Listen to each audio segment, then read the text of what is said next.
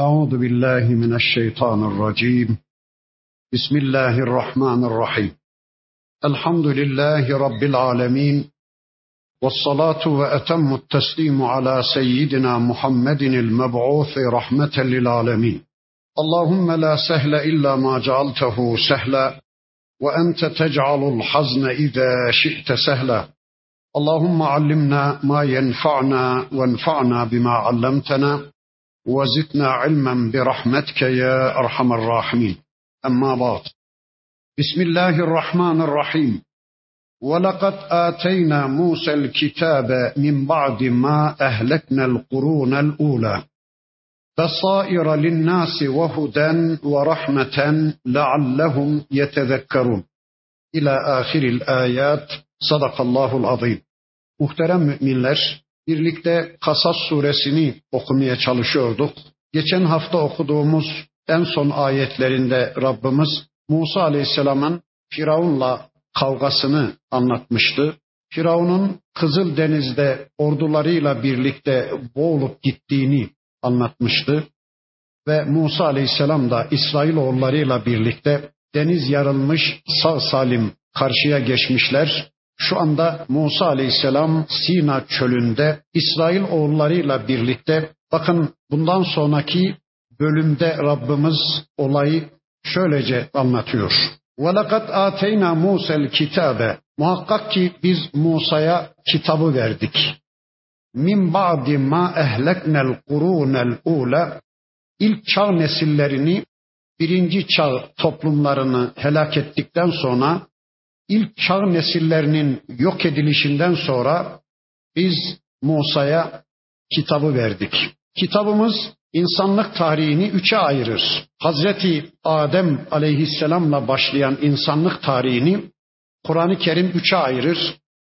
Kurunul ula, kurunul vusta, kurunul uhra. İlk çağ, orta çağ, son çağ diye Kur'an çağları üçe ayırır. Birinci çağ Kurunul Ula Hazreti Adem aleyhisselamla başlar. Şit aleyhisselam, İdris aleyhisselam, Nuh aleyhisselam, Hud aleyhisselam, Salih aleyhisselam, Şuayb aleyhisselam, Lut aleyhisselam ve Musa aleyhisselama turda Tevrat'ın verileceği ana kadar geçen süreye Kurunul Ula der Kur'an. İlk çağ.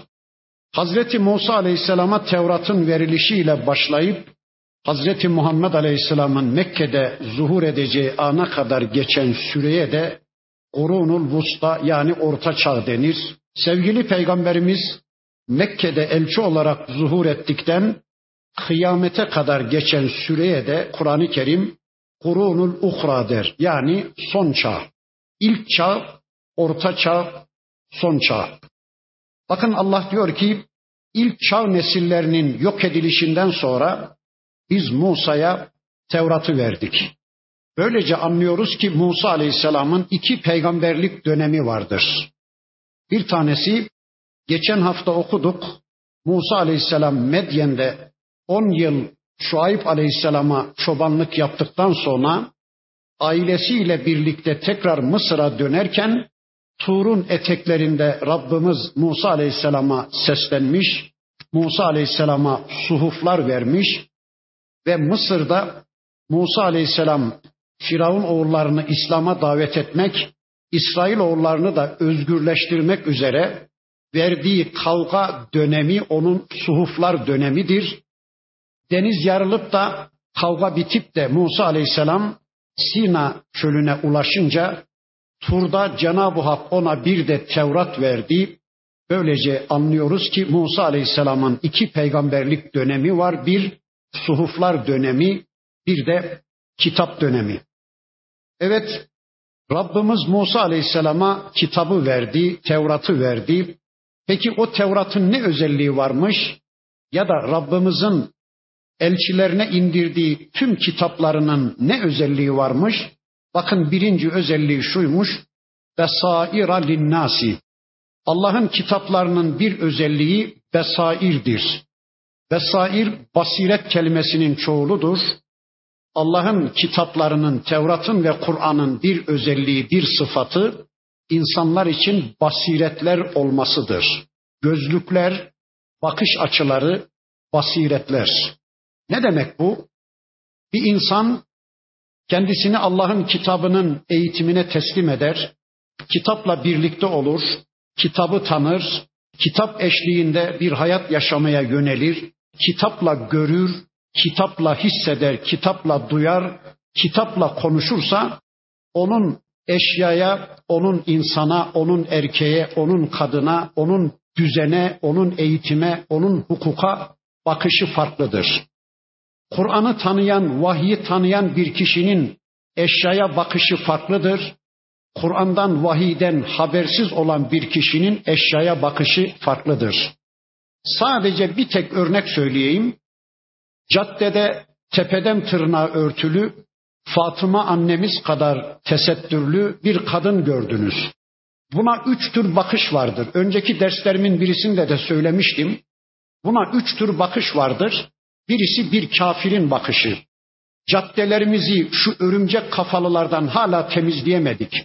Şu örümcek kafalıların işini hala bitiremedik diye onu öldürürcesine, o kadını yok edercesine kinle, gazapla, öfkeyle bakan bir kafirin bakışı, sonra keşke benim kızım da, benim hanımım da bu kadın gibi tepeden tırnağa örtülü bir kıyafeti tercih etseydi diye imrenerek, beğenerek bakan bir Müslümanın bakışı, bir de benim bakışım. Benim bakışım farklı mı? Onu söyleyeyim. Ben de şöyle bakıyorum bu olaya. Kadın baştan aşağı giyinmiş, tesettürlü. Ne güzel ama bu erkeklerin içinde sokakta ne işi vardı? Bu kadının keşke vakarla evinde otursaydı diyen bir Müslümanın bakışı. Bu da benim bakışım. Peki ben bu bakışı nereden kazandım? Vesair olan Kur'an'dan kazandım. İşte Kur'an ve sünnetin gözlükleriyle hadiselere bakabilen bir kişi farklı bakacaktır. Kur'an'ı tanımayan, vahyi tanımayan insanların bakışından farklı bakacaktır. İşte onun için Allah'ın kitapları vesairdir. Bir ikinci özelliği de vehuden Tevrat'ta, Kur'an'da Allah'ın yeryüzüne indirdiği bütün kitaplar da hüden özelliğine sahiptir. Hidayete ulaştırma, insanlara hidayeti gösterme, insanlara sırat-ı mustakimi gösterme, yani insanları cennete ulaştırma özelliğine sahiptir Allah'ın bütün kitapları. Söyleyin Allah aşkına. Şu kitaptan başka yeryüzünde insanlara hidayet edebilecek bir kitap biliyor musunuz? Kur'an'ın dışında insanları sırat-ı müstakime ulaştırabilecek, insanlara cennet yolunu gösterebilecek bir kitap biliyor musunuz? Matematik kitabı mı, fizik kitabı mı, coğrafya tarih kitabı mı? Hangi kitap insanlara hidayet edebilir? Hiçbir kitabın hüden özelliği yoktur. Bu kitap hüdendir. Tevrat da hüdendir. Ve rahmeten bir de Tevrat da Kur'an da tabi orijinal Tevrat'ı kastediyorum.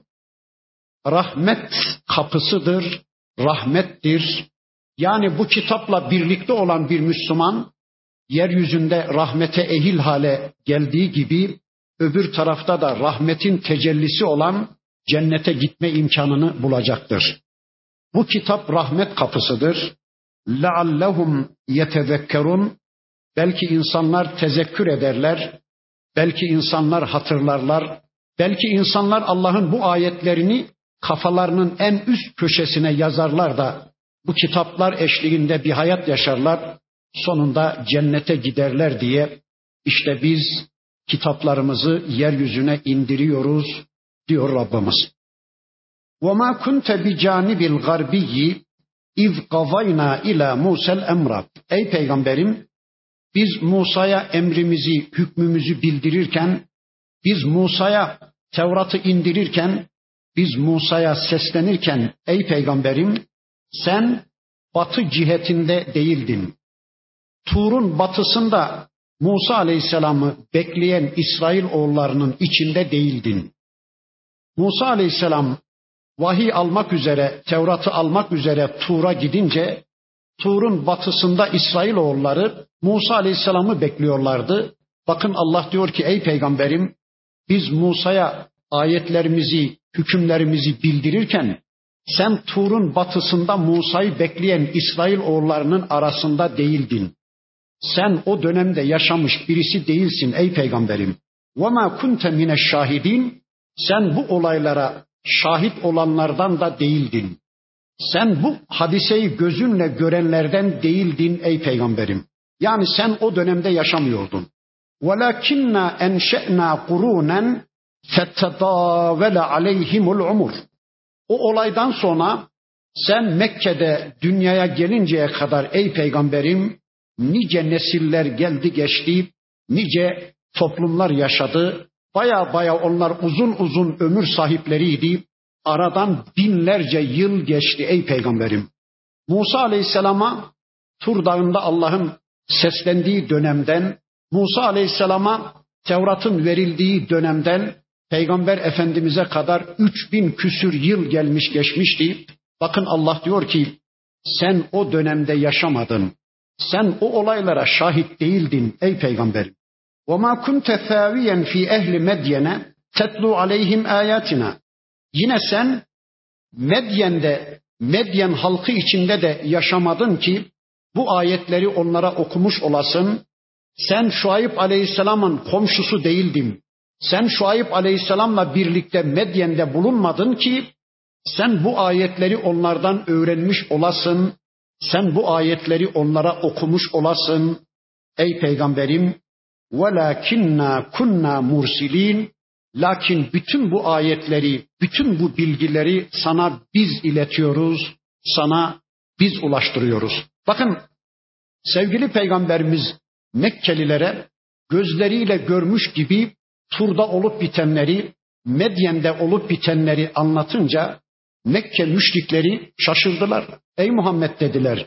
Sen bütün bu bilgileri gözlerinle görmüş gibi bize anlatıyorsun. Sen ne biliyorsun bunları diye itiraz ettiler de bakın Allah buyurdu ki ey peygamberim sen o dönemde yaşamadın.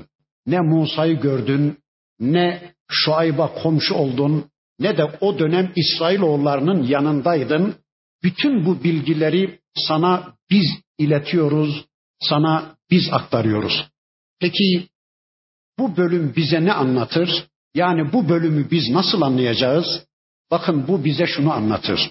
Eğer bizler şu anda Allah'ın kitabı Kur'an'ı tanırsak, hayatın kurallarını Kur'an'dan alabilecek kadar Kur'an'la tanışırsak, sünnetle tanışırsak, birilerinin hayatına müdahale etme hakkımız vardır. Senin karınla ilişkin bozuk. Sen şöyle davranmak zorundasın. Senin oğlunla ilişkin bozuk. Sen oğluna karşı şöyle davranman lazım. Senin o komşuyla ilişkin, senin müşterilerinle ilişkin, senin müdürle ilişkin, senin talebelerinle ilişkin şöyle olmalıdır dediğimiz zaman eğer biz bu kuralı Kur'an'dan alarak söylüyorsak hiç kimsenin bize itiraz etmemesi gerekir. Yani insanlar bize şöyle diyemezler. Ya ömründe sen hiç bakkal işletmedin, müşteriyle ilişkimin öyle olması gerektiğini sen nereden biliyorsun? Sen ömründe hiç öğretmenlik yapmadın. Bir öğretmenin talebesiyle ilişkisinin nasıl olması gerektiğini sen nereden biliyorsun? Sen Kur'an'ı biliyorsun, konuş o konuda. Sen sünneti biliyorsun, konuş o konuda ama bilmediğin konulara burnunu sokma derse insanlar o zaman biz de şöyle diyeceğiz.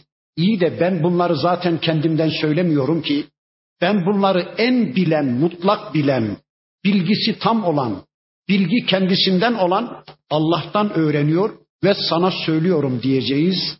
Bir örnek vereyim aklıma geldi. Neyzen Tevfik diye bir adam var. Bilirsiniz şairdir. Biraz da sarhoşça bir şairdir.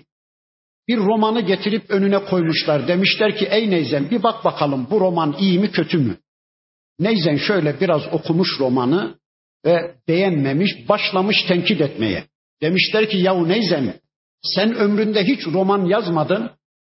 E bu durumda bir romanın iyi mi kötü mü olduğunu nereden biliyorsun? Nasıl tenkit ediyorsun demişler. Neyzen Tevfik demiş ki vallahi ben ömrümde hiç yumurta yumurtlamadım ama yumurtanın taze mi bayat mı olduğunu bilirim. Neyzen biraz işin sarhoşçasını söylemiş. Ben Müslümancasını söyleyeyim. Bir Müslümana şöyle yapman lazım. Hanımına karşı şöyle davranman lazım. Müşterilerine karşı şöyle davranman lazım. Kılık kıyafetin şöyle olmalı, aile hayatın böyle olmalı, hukuk hayatın şöyle olmalı diye o Müslümanın hayatını yargılayıp sorguladığımız zaman kimse bize itiraz edemeyecek. Eğer biz gerçekten hayatın kurallarını Kur'an'dan alacak kadar, hayatın kurallarını Peygamber Aleyhisselam'ın sünnetinden alacak kadar vahiyi tanımışsak, işte o zaman insanların hayatına müdahale etme hakkımız olacak. İşte Rabbimiz bu ayetlerinde bize bunu anlattı. وَمَا كُنْتَ بِجَانِبِ turi Ey peygamberim sen Tur civarında da değildin. İznadeyna biz Musa'ya seslendiğimiz zaman ey Musa ben Allah'ım ben alemlerin Rabbiyim diye biz Musa'ya seslendiğimiz zaman ey peygamberim sen Tur civarında değildin. Velakin rahmeten min rabbike lakin Rabbinden bir rahmet olarak litunzira kavmen ma etahum min nezirin min qablike senden önce kendilerine hiçbir uyarıcı gelmemiş olan bir toplumu uyarman için biz seni elçi olarak gönderiyoruz. لَعَلَّهُمْ يَتَذَكَّرُونَ Belki insanlar zikra yaparlar, bu ayetlerle yol bulurlar, hayatlarını bu ayetlere sorarak yaşarlar diye biz seni ataları uyarılmamış bir topluma uyarıcı olarak gönderdik ey peygamberim. Yasin suresinde de bu konu anlatılır. Tenzilel azizir rahim litunzira kavmen ma unzira abauhum fehum gafilun. Bu kitap aziz ve rahim olan Allah'ın indirmesidir. İhtiyaca göre peyderpey bu kitabı aziz ve rahim olan Allah indirmiştir kitabın inişi konusunda peygamberin bile bir müdahalesi olmamıştır. Bu kitap peygamberden değil, bu kitabın indirilişi aziz ve rahim olan Allah'tandır.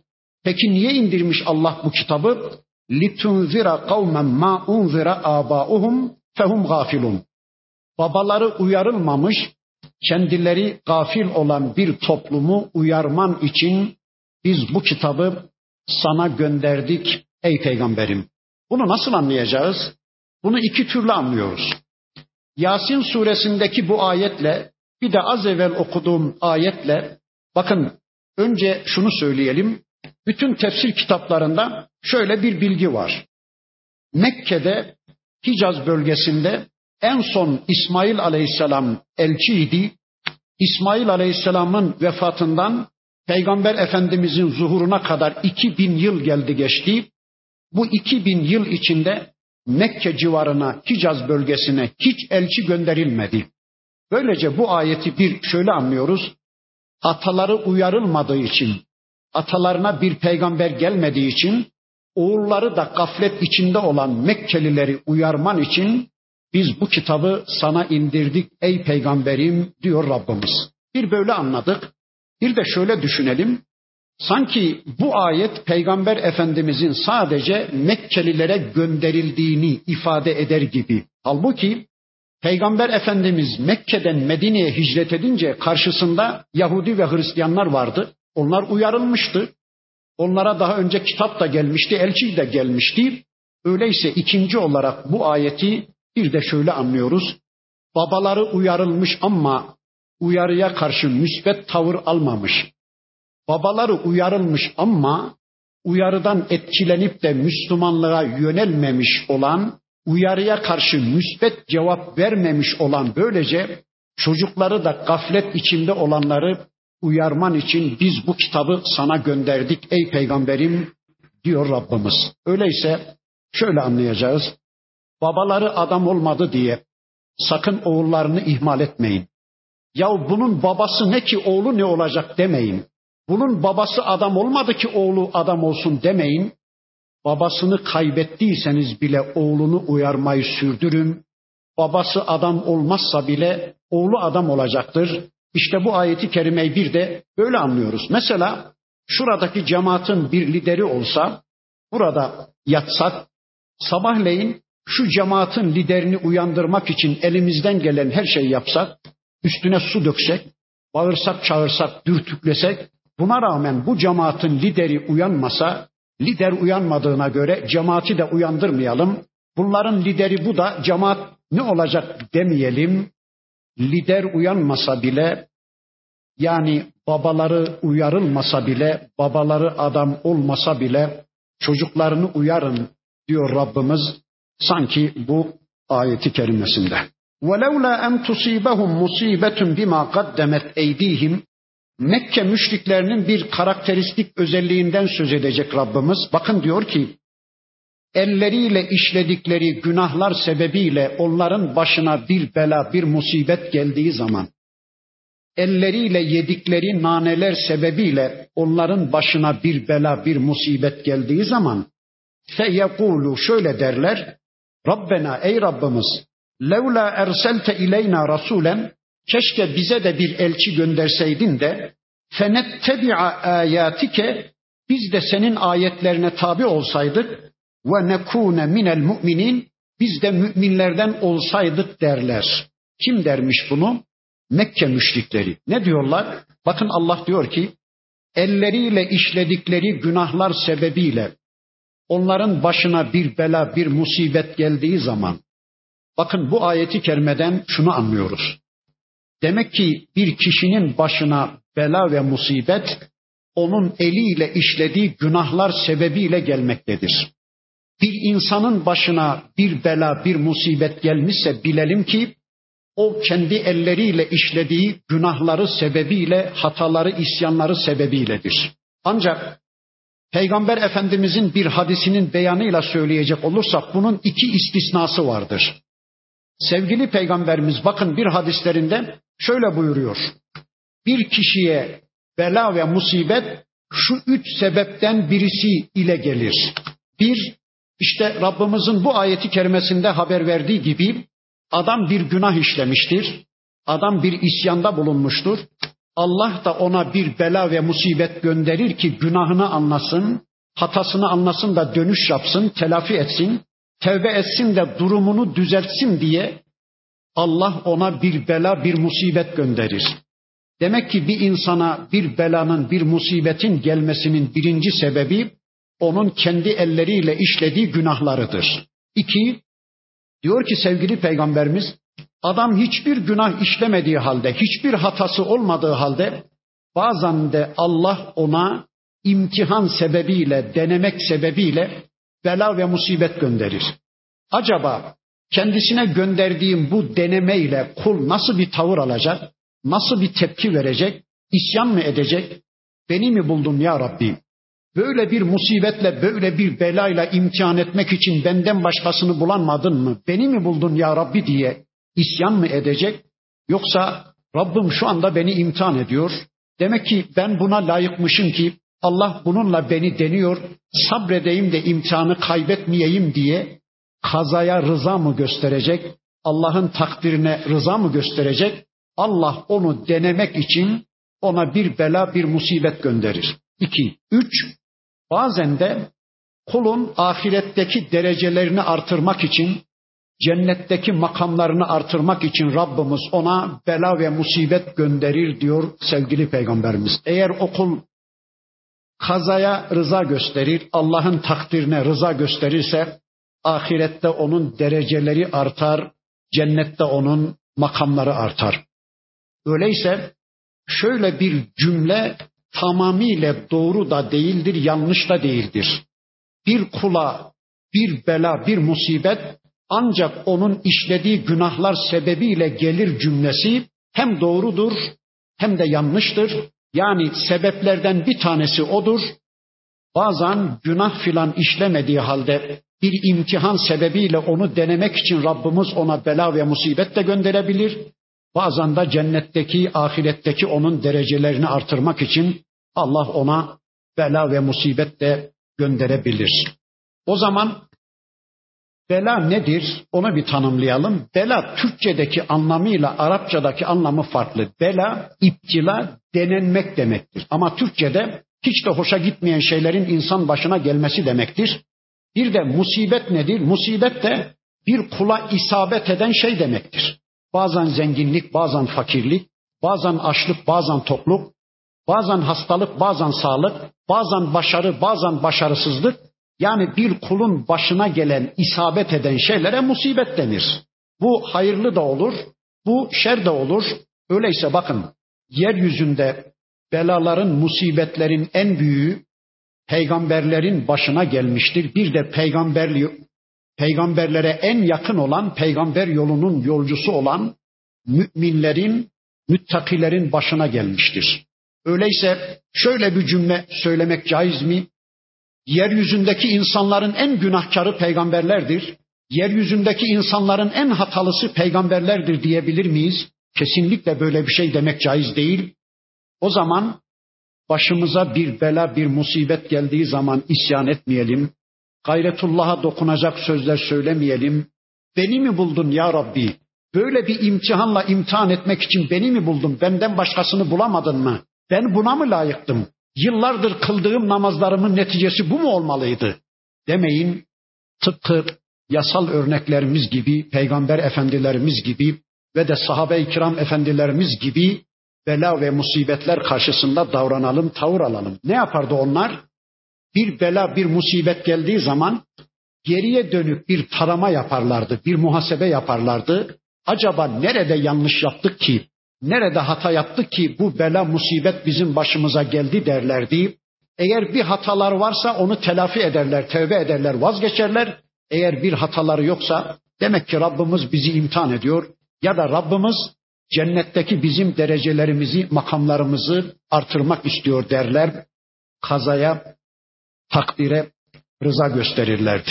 Biz de öyle olalım inşallah. Bakın bu konuda sevgili peygamberimizin iki hadisi var. Çok hadis var da onlardan birkaç tanesini inşallah söyleyeyim. Bir tanesi şöyle. Bir kulun parmağına batan bir diken bile onun bir günahına kefarettir. Bir başka hadislerinde sevgili peygamberimiz şöyle buyuruyor. İza eradallahu bi abdihi hayran accele lehul ukubete fid dünya. Allah bir kulu hakkında hayır murad etti mi, onun işlediği hatalarının cezasını dünyada acilen verir, ahirete bırakmaz. Dünyada işini bitirir ama ve izâ eradallahu bi abdihi şerra Allah bir kulu için şer dilediği zaman, şer murad ettiği zaman da emseke anhu bi zenbihi hatta yuvafiye bihi yevmel kıyameti onun dünyada işlediği hatalarının cezasını dünyada vermez, günahlarını sırtına yüklenmiş olarak ahiret gününe gelmesi için onun cezasını dünyada vermez, ahirete erteler. Öyleyse yaptığımız hatalarımızın karşılığını dünyada çekmek bizim için hiç de kötü bir şey değil. Ahirete kalmaması bizim için gayet güzel bir şey. Yine bakın sevgili peygamberimiz bir başka hadislerinde şöyle buyuruyor. İnne ızamel cezai ma'a ızamil belai. Belanın büyüklüğü mükafatın büyüklüğüyle doğru orantılıdır bir kula ne kadar büyük belalar, musibetler gelmişse onun kıyamet günündeki mükafatı da o kadar büyüktür. Ve inna Allah Teala iza ahabba kavmen ibtelahum. Allah bir kişiyi sevdi mi, Allah bir toplumu sevdi mi, onlara dünyada belalar ve musibetler gönderir. Femen radiye felehur rıza. Kim Allah'tan gelen o bela ve musibetlere razı olur, takdire razı olursa Allah da ondan razı olur. Ama وَمَنْ safita فَلَهُ suhtu. kim de başa gelene rıza göstermezse, Allah'ın takdirine rıza göstermezse, Allah da ona rıza göstermez, Allah da ona gazap eder. Bakın Mekke müşrikleri başlarına gelen bir bela ve musibet anında şöyle derlermiş. Rabbena ey Rabbimiz. Levla erselte ileyna rasulen Keşke bize de bir elçi gönderseydin de fenettebi'a ayatike ve nekune minel mu'minin biz de senin ayetlerine tabi olsaydık, biz de mümin olsaydık. Bakın Mekke müşrikleri diyorlar ki ya Rabbi sen Yahudilere Musa Aleyhisselam'ı elçi olarak gönderdin. Sen Hristiyanlara İsa Aleyhisselam'ı elçi olarak gönderdin. Keşke bize de bir elçi gönderseydin de biz de senin istediğin şekilde Müslümanlar olsaydık. Aslında bu temennileri bir peygamber beklentisinden kaynaklanmıyor da zaten işlerinde peygamber var diyorlar ki keşke biz de peygambere tabi olsaydık, keşke biz de içimizdeki peygambere ittiba etseydik demeye çalışıyorlar. Bizde de bu, bu tür sözleri söyleyenler pek çok. Yani adam diyor ki eğer ben de İslam tahsili yapmış olsaydım, ben de ilahiyatta okumuş olsaydım ya da ben de Peygamber Efendimiz döneminde yaşamış olsaydım, ben de çok güzel Müslümanlık yaşardım diyenlere diyeceğiz ki, ya şu andaki mevcut imkanlarınla gayretin ne ki o zaman ne yapacaksın diyeceğiz. Bakın böyle diyenler felemma caehumul hakku min indina Allah diyor ki o peygamber beklentisi içinde olanlara, kitap beklentisi içinde olanlara bizim katımızdan hak gelince, hak bir kitap, hak bir peygamber onlara gelince galu dediler ki levla utiye mitle ma utiye Musa Keşke Musa'ya verilenin bir benzeri de Muhammed Aleyhisselam'a verilseydi biz de ona inansaydık. Bakın bu sözü söyleyen ya Mekke müşrikleri ya da Yahudilerdir. İkisi de söylenmiş. Bakın ne diyorlar. Keşke Musa'ya verilenin bir benzeri Muhammed Aleyhisselam'a da verilseydi biz de inansaydık. Ne demek istiyorlar? Bakın şunu demek istiyorlar. Bir, Musa Aleyhisselam'a levhalara yazılı olarak, levhalara kazınmış olarak ayetler verildi. Diyor ki Mekke müşrikleri ya da Yahudiler keşke Muhammed Aleyhisselam'a da şöyle gökten yazılmış olarak bir kitap indirilseydi, elimizle dokunsaydık, gözümüzle görseydik, duyularımızla algılasaydık, o zaman biz de inanırdık. Halbuki şu anda Muhammed Aleyhisselam'a Cebrail isminde bir melek vahiy getiriyormuş. Peygamberin kalbine bu ayetleri indiriyormuş. E biz meleği görmüyoruz ki. Biz Cebrail'in sesini de duymuyoruz. Nasıl inanalım? Keşke vahiy böyle gelmeseydi de Musa Aleyhisselam'a verilen levhalara yazılmış olarak yani kitap haline getirilmiş olarak Muhammed Aleyhisselam'a da bu kitap gökten indirilseydi biz de inansaydık. Ya da bunun bir ikinci manası şudur. Yahudiler diyorlar ki Musa Aleyhisselam'a asa mucizesi verilmişti. Asayı yere bırakınca yılana dönüşüyordu. Musa Aleyhisselam'a yedi beyza mucizesi verilmişti. Elini koynundan çıkarıyordu. Eli bakanların gözünü kamaştıracak nur gibi bir bembeyaz ele dönüşüyordu. Keşke Muhammed Aleyhisselam'a da bu tür görsel ayetler, görsel mucizeler verilmiş olsaydı biz de iman etseydik. Halbuki bakın Musa Aleyhisselam'a verilen asa mucizesi, yedi beyza mucizesi sadece o dönemde asayı gören, o eli gören insanlar için geçerli. Bugün için geçerli değil değil. Bugün ne Musa var hayatta ne de asası var hayatta. Halbuki şu Kur'an, Muhammed Aleyhisselam'a verilen şu kitap kıyamete kadar dip diri bütün nesiller için mucizevi özelliğini sürdürüyor ama anlayamıyor Mekke müşrikleri bu gerçeği, anlayamıyor Yahudiler bu gerçeği. Sanki diyor ki Yahudiler keşke son elçi olarak Muhammed aleyhisselam gönderileceğine Musa aleyhisselam gönderilseydi, elinde asasıyla Musa gelseydi ama o asa sadece Musa Aleyhisselam'ın elinde olsaydı, biz onu elimize almaya ürkseydik, korksaydık, Musa asasıyla kendi alemini yaşasaydı, biz de beri tarafta keyfimize göre bir hayat yaşasaydık. Galiba Yahudiler bunu demek istiyorlar. Şu anda da Müslümanlar şu kitabı ellerine alma konusunda bir ürkeklik gösteren, biz kim, bu kitabı anlamak kim? Bunu ancak büyük zatlar anlar. Biz zavallı kullar bırakın bu kitabı anlamayı elimize almaya bile layık değiliz diyenler, bu kitap karşısında ürkekçe bir tavır takınanlar da aynı şeyi mi söylüyorlar? Allah korusun. Dünkü Yahudilerin söylediğini bugünkü Müslümanlar söylüyorlar. Allah korusun. Evet, bakın diyor ki Yahudiler, keşke Musa'ya verilenin bir benzeri de Muhammed Aleyhisselam'a verilseydi, biz de iman etseydik. Peki Allah ne diyor ya? Evelem yekfuru bima utiye Musa min kablu Bu adamlar utanmadan bu sözü nasıl söylüyorlar şu Yahudiler? Keşke Muhammed Aleyhisselam'a Musa'ya verilenin bir benzeri verilseydi diyen bu hainler bu sözü söylemeye nereden yetki alıyorlar? Halbuki daha önce Musa'ya verdiğimiz Tevrat'ı onlar inkar etmediler mi? Tevrat'ın içini boşaltmadılar mı? Tevrat'ı tedavülden kaldırmadılar mı? Tevrat'ı tahrif etmediler mi? Tevrat'ın işini bitirmediler mi? Tevrat'ın defterini dürmediler mi? Tevrat'ı uygulamadan kaldırmadılar mı? Hani nerede Tevrat? Hani nerede Tevrat? Utanmadan bunu nasıl söylüyor bu Yahudiler?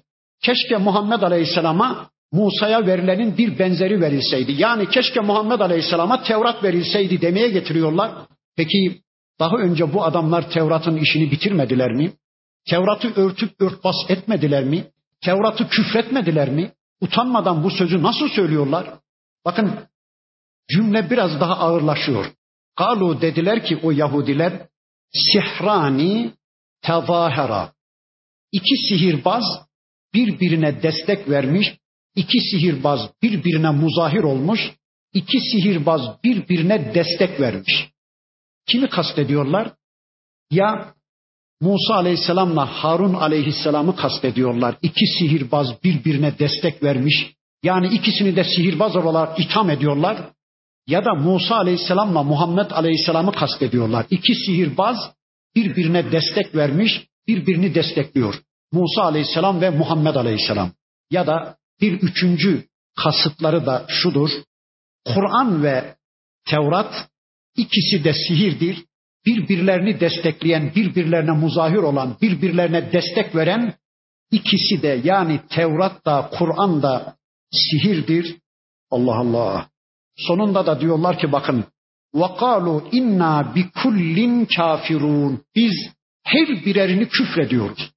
Biz her birerinin kafiriyiz. Tevrat'ın da, İncil'in de, Zebur'un da, Kur'an'ın da ne ki Allah'tan gelmiş, Allah'ın gönderdiği kitapların tümünün biz kafiriyiz. Hepsini reddediyoruz. Musa'nın da, Harun'un da, Muhammed Aleyhisselam'ın da, İsa'nın da hepsinin biz kafiriyiz. Hepsini reddediyoruz. Ne demek istiyordu Yahudiler? Yani biz Allah'ın bizim hayatımıza karışmasını reddediyoruz. Allah bizim hayatımıza karışamaz.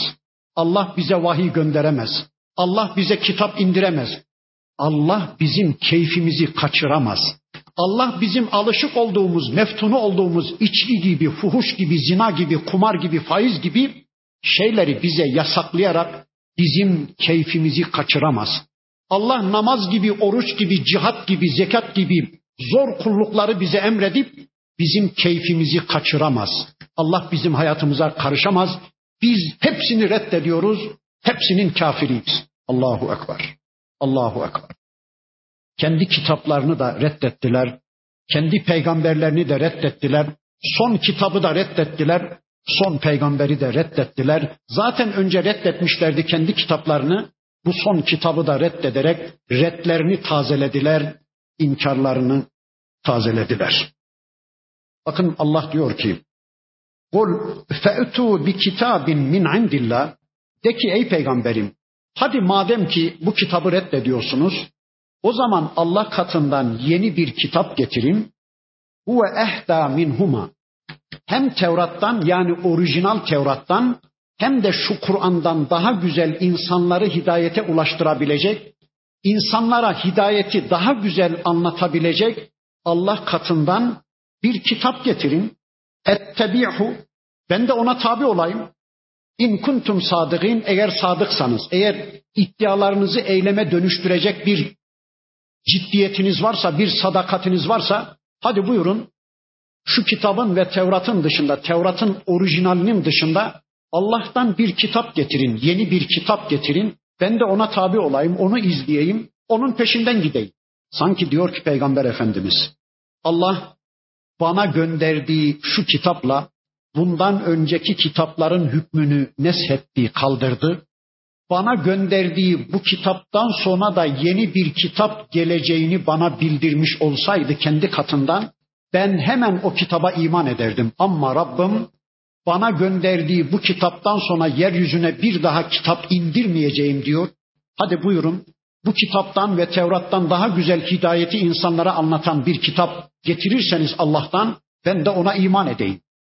Bu şu manaya gelir. Böyle bir şey mümkün değil anlamına bir ifadedir bu.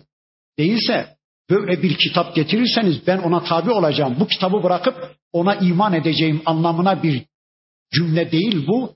Böyle bir şey asla mümkün değil. Siz bu kitaptan daha güzel hidayeti gösteren Allah'tan yeni bir kitap getirme gücüne, imkanına sahip değilsiniz. Anlamına bir kelimedir. Vazgeçin bu sevdadan anlamına bir cümledir. Tıpkı Kur'an'da buna benzer bir ayet vardı.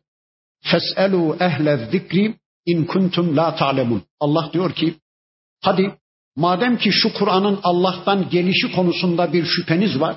Bu kitabın Allah kitabı olduğu konusunda bir endişeniz var. O zaman gidin ehli kitaba bir sorun. Zikir ehline bir sorun bakalım. Kitap ehline bir sorun bakalım. Yani haşa bu şu anlama değil. Bu kitabın sağlamasını yapmak üzere gidin Yahudilere bir sorun. Gidin Hristiyanlara bir sorun. Bu kitabın sağlamasını Tevrat'la yapın, İncil'le yapın anlamına bir ifade değil bu. Utanmazsanız gidin bir sorun anlamına. Utanmıyorsanız, sıkılmıyorsanız gidin şu ehli kitaba, şu yamuklara kitaplarını tahrif etmiş, peygamberlerini öldürmüş, şu Allah'ın lanetli kullarına bir sorun bakalım. Bu gidin sorun anlamına değil de utanmıyorsanız hadi gidin anlamına bir kelimedir. Çünkü bu kitabın, bu hak kitabın sağlamasını batıl bir İncil'le yapmak haramdır. Bu kitabın sağlamasını batıl bir Tevrat'la, içi boşaltılmış muharref bir Tevrat'la yapmak caiz değildir. Bizim ehli kitaptan sorabileceğimiz hiçbir şeyimiz yoktur. Bizim ehli kitaptan alabileceğimiz hiçbir şeyimiz yoktur. Çünkü tarih içinde sapmış iki toplumdur. İşte bu ayeti de öyle anlıyoruz. Mümkün değil siz bu kitaptan daha güzel hidayeti gösteren Allah'tan bir kitap getiremezsiniz anlamına bir ifade. Sonra diyor ki bakın fe inlem yestecibu leke ey peygamberim eğer bu konuda sana bir cevap veremezlerse yani Allah'tan bu kitaptan daha hidayete erdirici bir kitap getiremezlerse fa'lem bil ki ennema yettebi'une ehvaehum onlar sadece hevalarına tabi olan kimselerdir. Onlar sadece hevalarını putlaştırmış, hevaları istikametinde bir hayat yaşayan kimselerdir. Bakın bu konu çok çok önemli. Bu ayet üstünde inşallah biraz duracağız. Ayetin devamını da okuyayım. وَمَنْ azallu Daha sapık kim vardır? Mimmeni tebaa hevahu. Kendi hevasına tabi olan, havasını putlaştıran, hevasını tanrılaştıran kişiden yeryüzünde daha sapık, daha yolsuz kim vardır? Arapçada heva ve heves ayrı ayrı anlamlarda kullanılan iki kelimedir. Türkçede heva ile heves sanki birbirinin aynıymış gibi kullanılır ama Heves ayrıdır. Heva kelimesinin ayrı anlamı vardır. Heves nefsin eğilimi, nefsin tercihi, nefsin sapmasıdır. Ama heva ise aklın işidir, aklın tercihidir, aklın sapmasıdır. Hevese bir örnek vereyim. Bir tatlıcı dükkanının önünden geçerken içerideki o leziz tatlılar sizin iştahınızı çekti, nefsinizi kabarttı ve nefsiniz sizi tatlıcı dükkanının içine attı. İşte bu nefsin tercihi, nefsin işi, nefsin sapmasıdır. Ama heva ise aklın sapmasıdır. Yani bir insanın aklını vahyin önüne geçirmesi, bir insanın kendi bilgisini Kur'an ve sünnetin önüne geçirip putlaştırmasıdır ki Allah korusun bu çok daha tehlikelidir. Bir iki örnek vereyim bakın.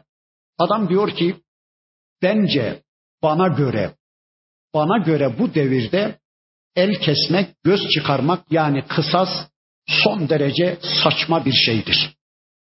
Bana göre, bence, ya sence olmaz, bence de olmaz. Allahça olur ya. Bana göre ne demek ya?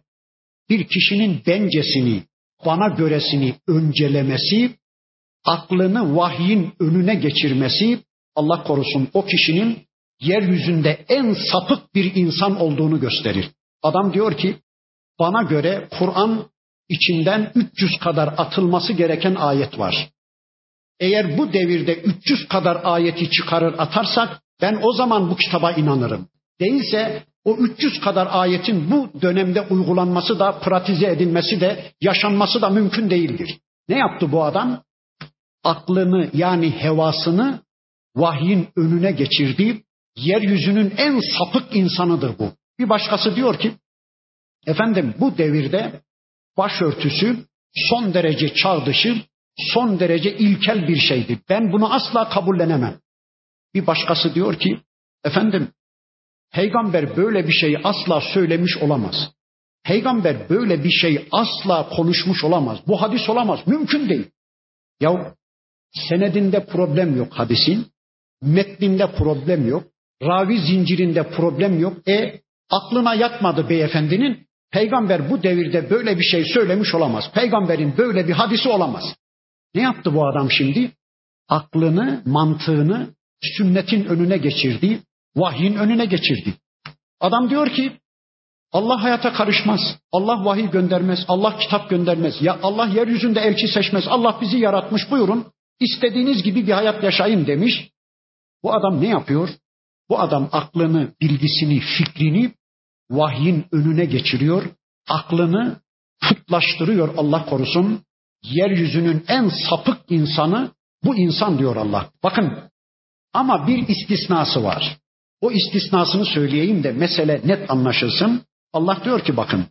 وَمَنْ أَظَلُّ مِمَّنِ اتَّبَعَ هَوَاهُ Hevasına tabi olan yani aklını putlaştıran, aklını, bilgisini vahyin önüne geçiren kişiden daha sapık kim vardır dedikten sonra bir istisna yapıyor bakın. Bir gayri huden minallah. Allah'tan bir hidayet olmaksızın, Allah'tan bir bilgi olmaksızın, Allah'tan bir ayet ya da peygamberden bir hadis olmaksızın aklını putlaştıran kimseden daha sapık kim vardır? Böylece anlıyoruz ki eğer bir kişi aklını Allah'tan bir delil üzerinde kullanmış, Allah'tan bir ayete dayanarak aklını yürütmüş de hata etmişse o bir sevap alır. O aklını putlaştırmış sayılmaz. Mesela müştehit imamlar iştihad ederken bir ayete dayanmıştır. Allah'tan bir bilgiye, Allah'tan bir delile dayanmıştır. Bir hadise ya da bir ayete dayanmıştır. Yanlış hükmetmiştir. Aklını kullanmıştır, iştihad etmiştir ama yanlış hükmetmiştir, yanlış sonuca gitmiştir. O bir sevap alır. İsabet etmişse, doğru iştihad etmişse iki sevap alır. Ama hata etmişse bir sevap alır. Bakın istisnası burada. Ama bir insan düşünün ki hiçbir ayete dayanmadan, hiçbir delile dayanmadan, hiçbir hadise dayanmadan ben aklımı öncelerim. Aklımın almadığı bir şey ben asla kabul etmem der. Aklını vahyin önüne geçirirse işte bu yeryüzünün en sapık insanıymış. Allah diyor ki İnna Allah la yehdil kavme zalimin. Allah böyle zalimleri asla hidayet etmez. Adam öyle diyor. Ya benim aklım var, benim mantığım var, benim bilgim var, benim tecrübem var. Sabahleyin kaçta kalkacağımı pekala ben de bilirim. Soframda neleri bulunduracağımı, içki mi, dışkı mı, fışkı mı, neleri bulunduracağımı ben de bilirim. Çocuklarımı nasıl eğiteceğimi, nasıl giyineceğimi, nereden kazanıp nerede harcayacağımı, nasıl bir eğitimden, nasıl bir hukuktan yana olacağımı, nasıl bir sosyal ve siyasal yapılanmadan yana olacağımı pekala ben de bilirim. Benim aklım var, benim zevkim var, benim keyfim var. Benim Allah'ın kitabına da, benim peygamberin sünnetine de ihtiyacım yoktur diyen kişiden daha sapık kim vardır? Bir de şunu söyleyeyim. Bir yerde Kur'an ve sünnet varsa yani vahiy varsa hevaya yer olmaz ama hevanın geçerli olduğu yerde de Kur'an ve sünnete yer olmaz. Bilhassa Müslümanların gruplaştıkları, hizipleştikleri, cemaatleştikleri, cemaat anlayışlarını, grup anlayışlarını Kur'an'ın ve sünnetin önüne geçirmeye çalıştıkları ortamlarda heva ve hevesler daha da yükselir. Birisi bir ayet söylüyor, birisi bir hadis söylüyor, birisi İslami bir hüküm söylüyor. Bu böyledir diyor. Ötekiler diyor ki dur arkadaş dur hemen kabul etmeyelim. Kim bu adam? Bizim familyadan mı? Bizim cemaatten mi? Bizim cemaatin üyesi mi? Tamam. Dediği kabul. Değilse at onu diyor. At gitsin. Kim söylerse söylesin. At gitsin. İşte bu toplumda hevanın adam boyu yükselmesine sebep oluyor. Cemaatçilik, tarafgirlik, grupçuluk, kizipçilik anlayışları Allah korusun.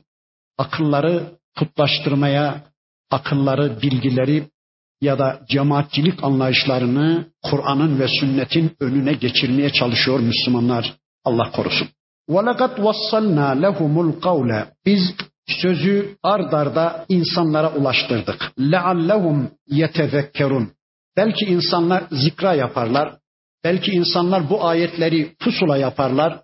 Belki insanlar bu ayetleri akıllarının en üst köşesine yazarlar, kazırlar da bu ayetler rehberliğinde Müslümanca bir hayata yönelirler diye biz diyor Allah sözü peş peşe ardarda insanlara ulaştırdıkça ulaştırdık. Bakın Rabbimiz gerçekten bir önceki surede anlattığı konuyu sonraki surede bir de anlatıyor. Hatta bakın bir önceki sayfada anlattığı konuyu bir sonraki sayfada, bir sonraki sayfada Allah bir daha anlatıyor. Niye? Ya kullarımın kafasına kazınsın diye, zikra olsun diye, tezkira olsun diye, hiç unutmasınlar. Kulaklarına küpe olsun diye, akıllarının en üst köşesine kazınsın da bu ayetler rehberliğinde bir hayat yaşasınlar diye Allah öyle yapıyor. Biz de ulaştıran açısından ele alırsak bıkmadan, usanmadan çevremize bu ayetleri ulaştıralım. Ya anama bir kere duyurdum.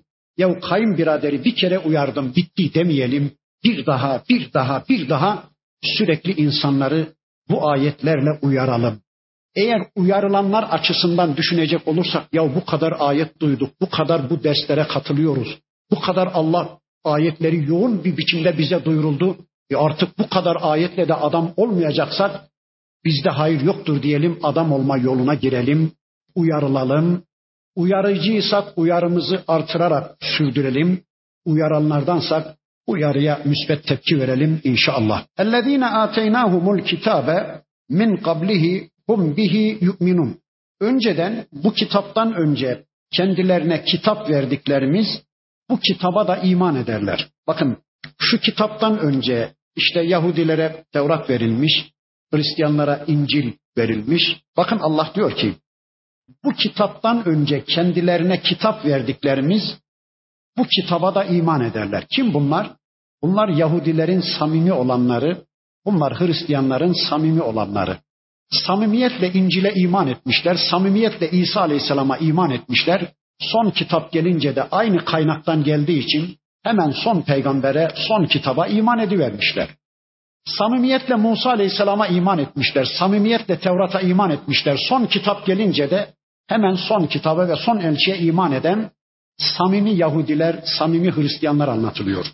Bakın Allah diyor ki: "Ve izâ yutla aleyhim" kendilerine bu kitabın ayetleri okununca galu derler ki amennâ bihi biz ona inandık. İnnehul hakku min rabbina. Bu kitap Rabbimizden gelen hak bir kitaptır. İnna kunna min qablihi müslimin. Biz zaten daha önce de onun Müslümanı idik. Biz zaten daha önce de ona iman ediyorduk. Musa Aleyhisselam döneminde Musa Aleyhisselam çevresindeki İsrailoğullarından ahit aldı. Dedi ki, ey İsrailoğulları benden sonra gelecek Furkan isimli bir kitaba, benden sonra gelecek Ahmet isimli bir peygambere inandınız mı? O günkü İsrailoğulları dediler ki inandık. İşte onlar o zaman Müslüman oldular. Yani o gün yaşayan İsrail oğulları bile son kitaba inanmadıkça, son peygambere iman etmedikçe o gün bile onlar Müslüman sayılmıyordu. İsa Aleyhisselam kendi dönemi Hristiyanlarından yani o günün Müslümanlarından ahit almıştı. Bakın diyorlar ki bu kitap kendilerine duyurulunca dediler ki biz bu kitabın Allah'tan gelme hak bir kitap olduğuna inandık. Zaten biz bunun önceden Müslümanıydık. Zaten biz buna önceden iman ediyorduk. Allah diyor ki bakın. Ulaike yu'tevne ecrahum merrateyni.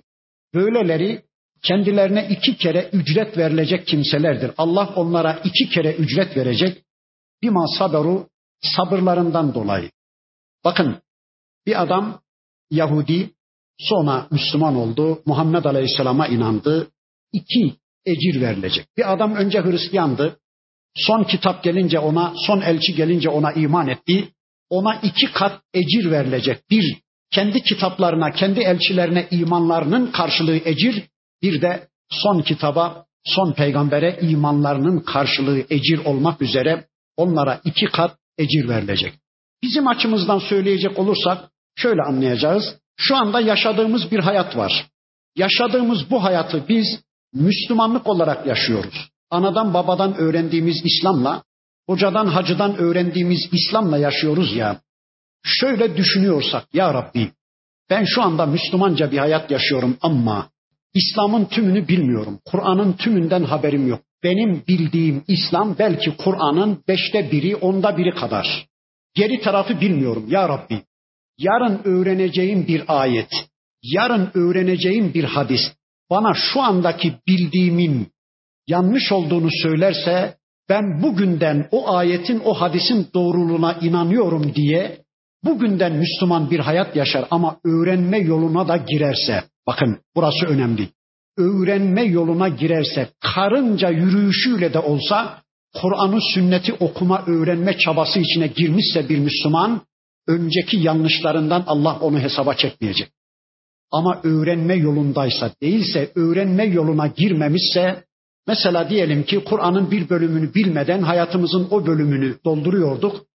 O bölümünü öğrenmeden de ölmüş gitmişsek, öğrenme yoluna girmemişsek tüm yanlışlarımızdan yarın Allah bizi hesaba çekecek bunu unutmayın. Bir, bir de önceden bir tür amel ediyor, iman ediyorduk ya, işin aslını, işin doğrusunu daha sonra öğrenince yeniden iman edip yeniden amel ettik ya, işte iki amelin karşılığı olarak Allah bize iki kat ecir verecektir. Öyleyse biz de öğrenme yolunda olalım. Karınca yürüyüşüyle de olsa öğrenme yoluna girelim. Bunu bir örnekle anlatayım. Mesela şu anda Kasas suresini okuyoruz değil mi? Mesela hayatımızın çarşamba bölümünü de Ankebut suresi düzenlese ve biz de henüz Ankebut'a daha gelmedik. Bu sureden sonra Ankebut suresini okuyacağız. Şu anda Kasas suresini okuduğumuz için Ankebut'u da henüz bilmediğimiz için hayatımızın çarşamba bölümünü Ankebut düzenlese ama biz Ankebut'u daha okumadığımız için hayatımızın çarşamba bölümünü yanlış düzenlesek yarın öğrenince ya Rabbi Ankebut'u okuyunca o Ankebut'un dediğini şimdiden ben doğru kabul ediyorum diye iman edersek bir çabanın bir gayretin içine girersek çabamızdan dolayı gayretimizden dolayı Allah bize de iki kat ecir verecektir. Bunu unutmayın. Sevgili peygamberimiz devlet başkanlarına mektup yazarken şunları söylüyordu. Eğer Müslüman olursanız Allah size iki kat ecir verecek. Bir, sizin teslimiyetinizin karşılığı ecir, bir de sizin sebebinizle ülkedeki insanlarınızın, halkınızın Müslüman olmasının karşılığı olmak üzere Allah size iki ecir verecek diyordu. Yine sevgili peygamberimiz bir hadislerinde Allah üç kişiye iki kat ecir verecek buyuruyor. Onlardan birisi Musa ve İsa aleyhisselama inanmış, daha sonra Muhammed aleyhisselama inanmış olan samimi Yahudi ve Hristiyanlara artık onlar Müslüman olmuştur. Allah iki kat ecir verecek. Bir, bir de hem efendisinin hem de Allah'ın hukukuna riayet eden, bunun için çabalayan bir köleye Allah iki kat ecir verecektir. Bir üçüncüsü de bir cariye ki efendisi onu Müslümanca eğitir, sonra onunla evlenirse, cariyesiyle evlenirse Allah onun efendisine iki kat ecir verecektir. Burada önce Yahudi ve Hristiyanlar anlatıldı. Bundan sonra vaktimiz doldu. İnşallah surenin geri kalan bölümlerini tanımak için önümüzdeki hafta tekrar bir araya gelmek üzere Allah'a emanet olun. Subhaneke Allahumma ve bihamdik. Eşhedü en la ilahe illa ente. Estağfiruke ve etubu ileyk. Velhamdülillahi Rabbil alemin. El Fatiha.